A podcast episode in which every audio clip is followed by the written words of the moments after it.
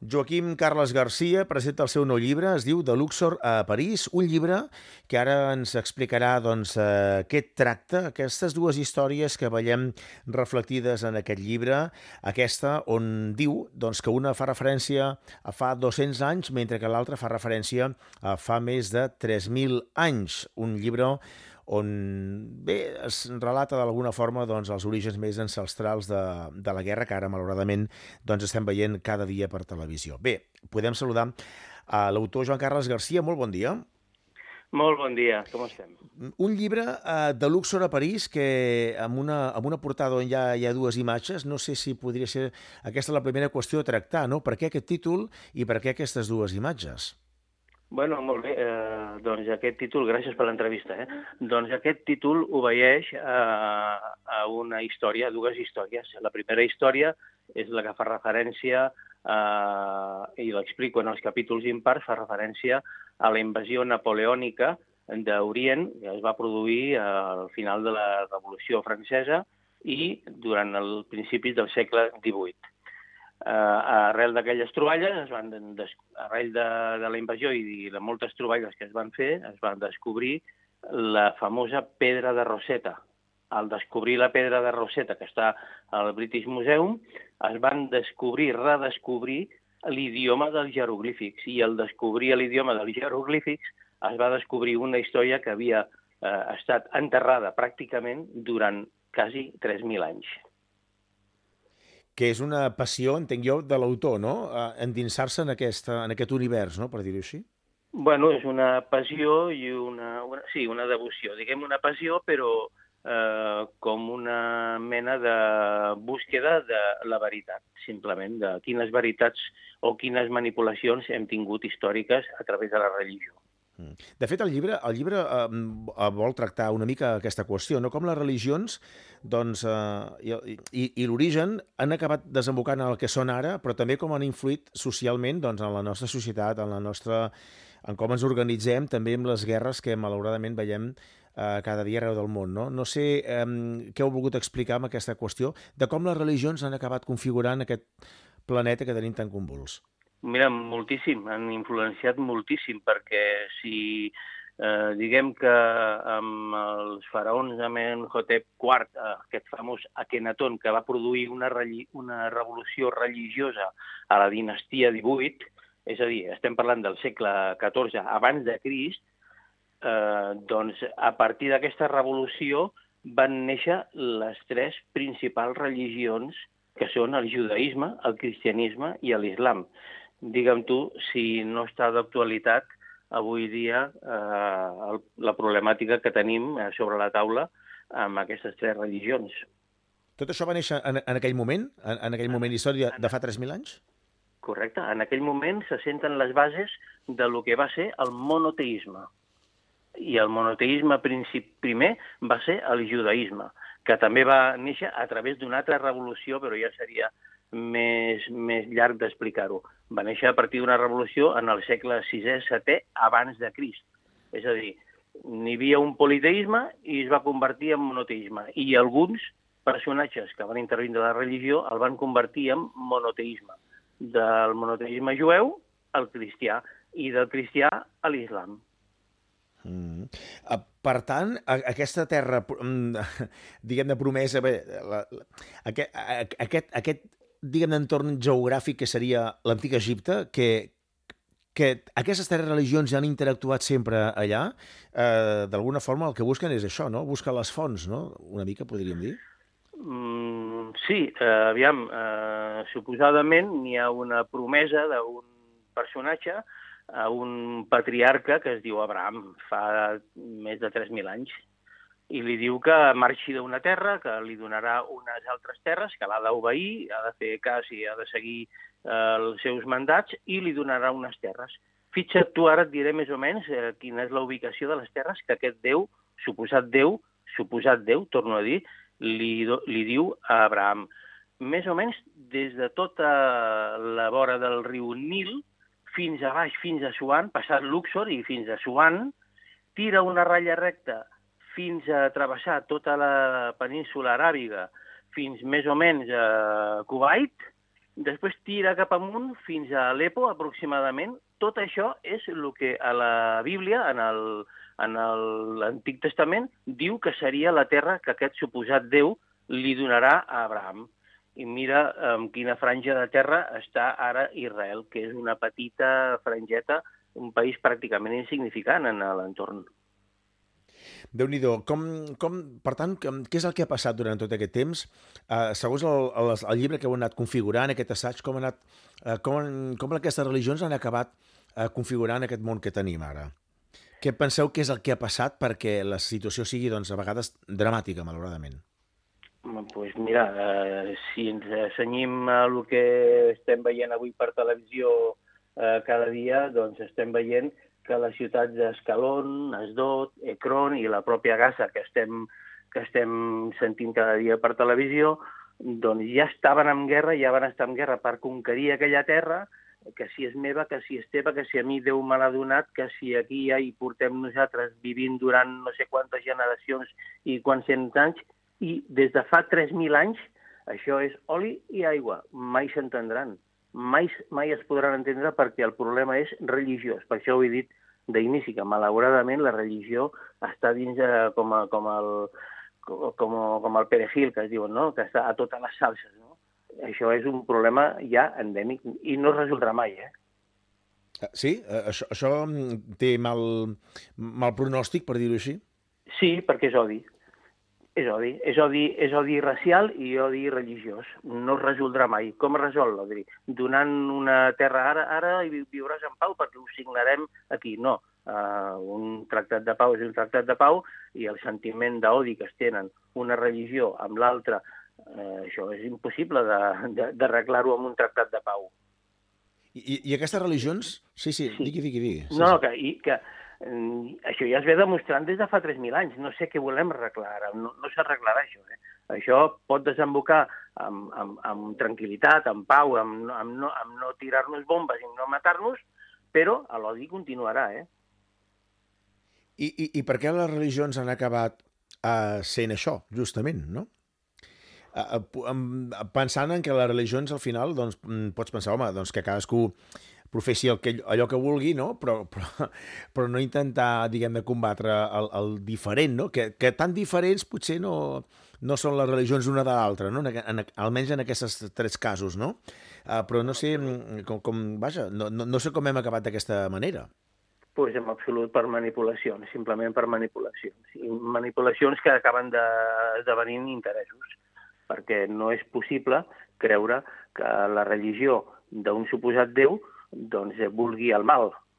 Suposadament no el voldrà el mal, però bueno, el mal és el que tenim. Què, què us desperta l'interès de fer aquest llibre i tractar aquesta qüestió? Bueno, no ha sigut una sola cosa, sinó que aquest llibre va començar ja amb el primer que ja vaig presentar aquí a la ràdio fa pues, ben bé dos anys, gairebé, quan el llibre es deia De la nada, de la nada però amb interrogants. Vaig fer una, un altre assaig sobre la formació de l'univers, un dossier sobre la creació o evolució.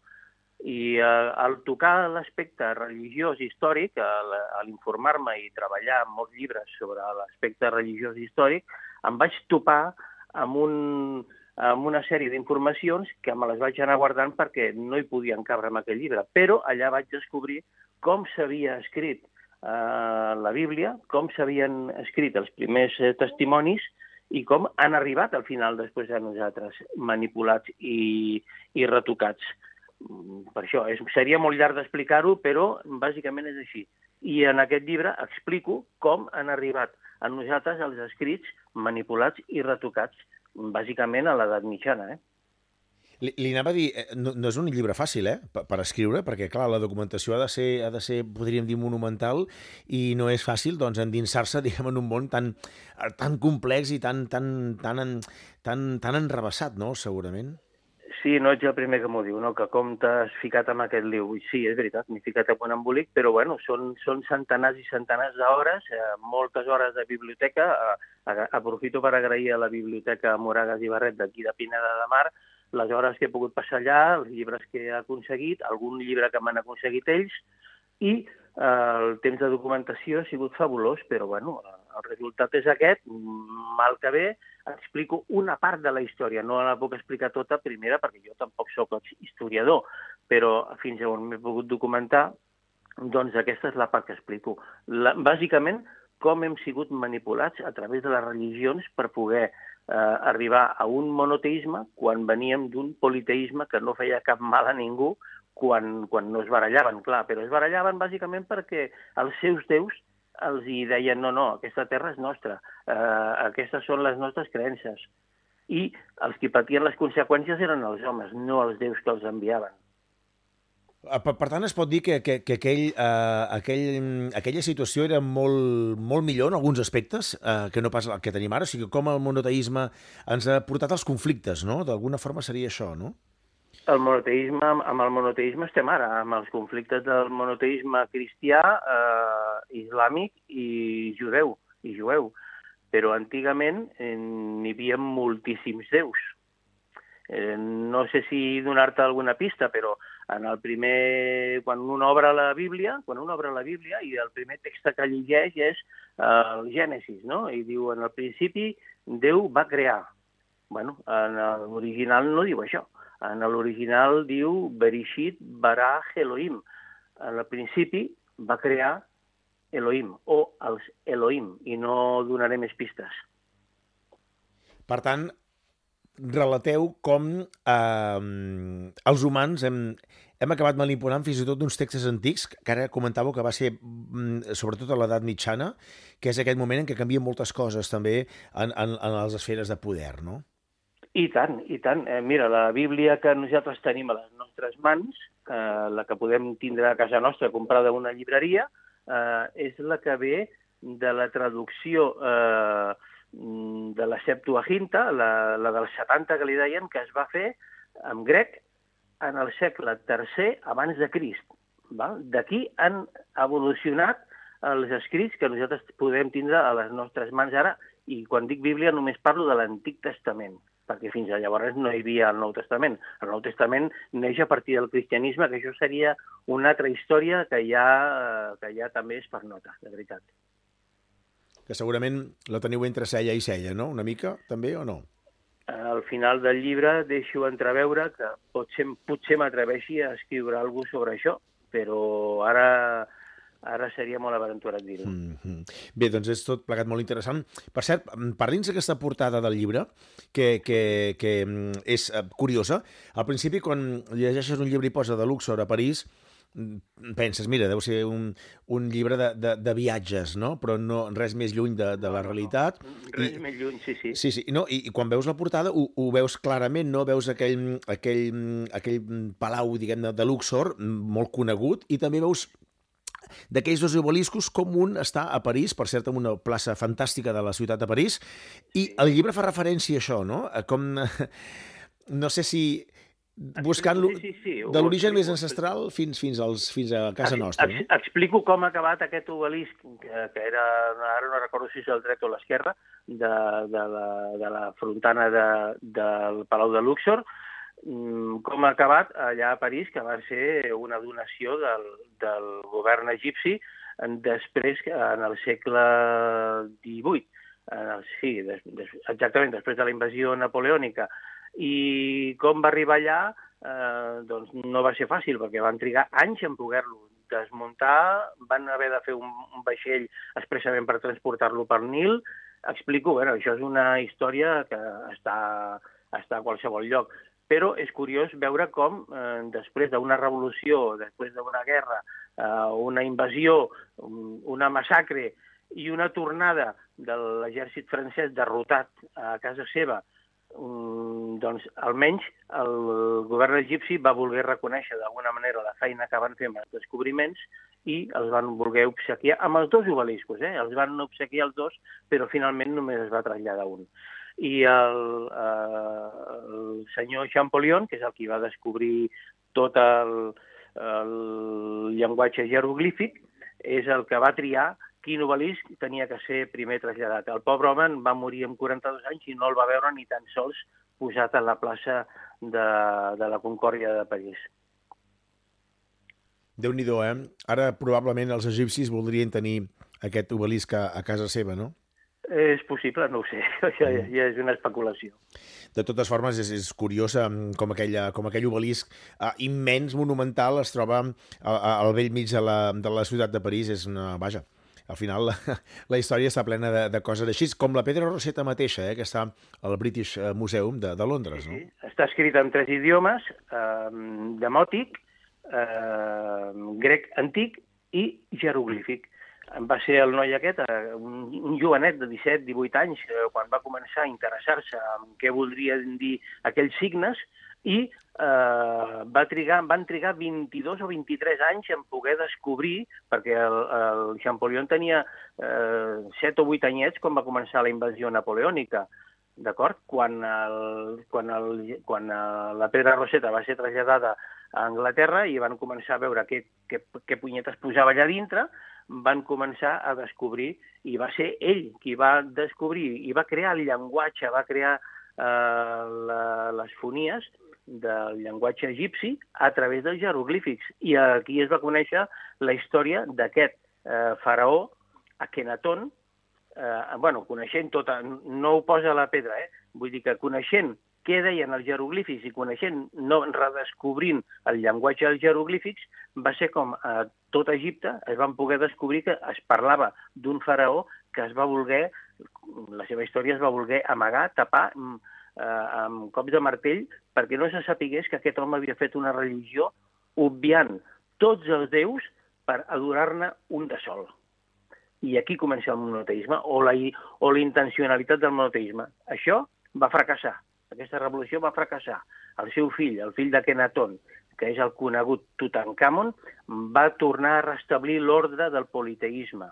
Ho estic dient molt, molt ràpidament, eh? Mm -hmm. I això, aquesta edat d'Akenaton, coincideix amb una història, que és la història d'Israel, mm, tornant o intentant tornar, o quan eren captius a Egipte, tornant cap a la seva terra, fugits o expulsats? Aquesta és una incògnita que deixo pel lector.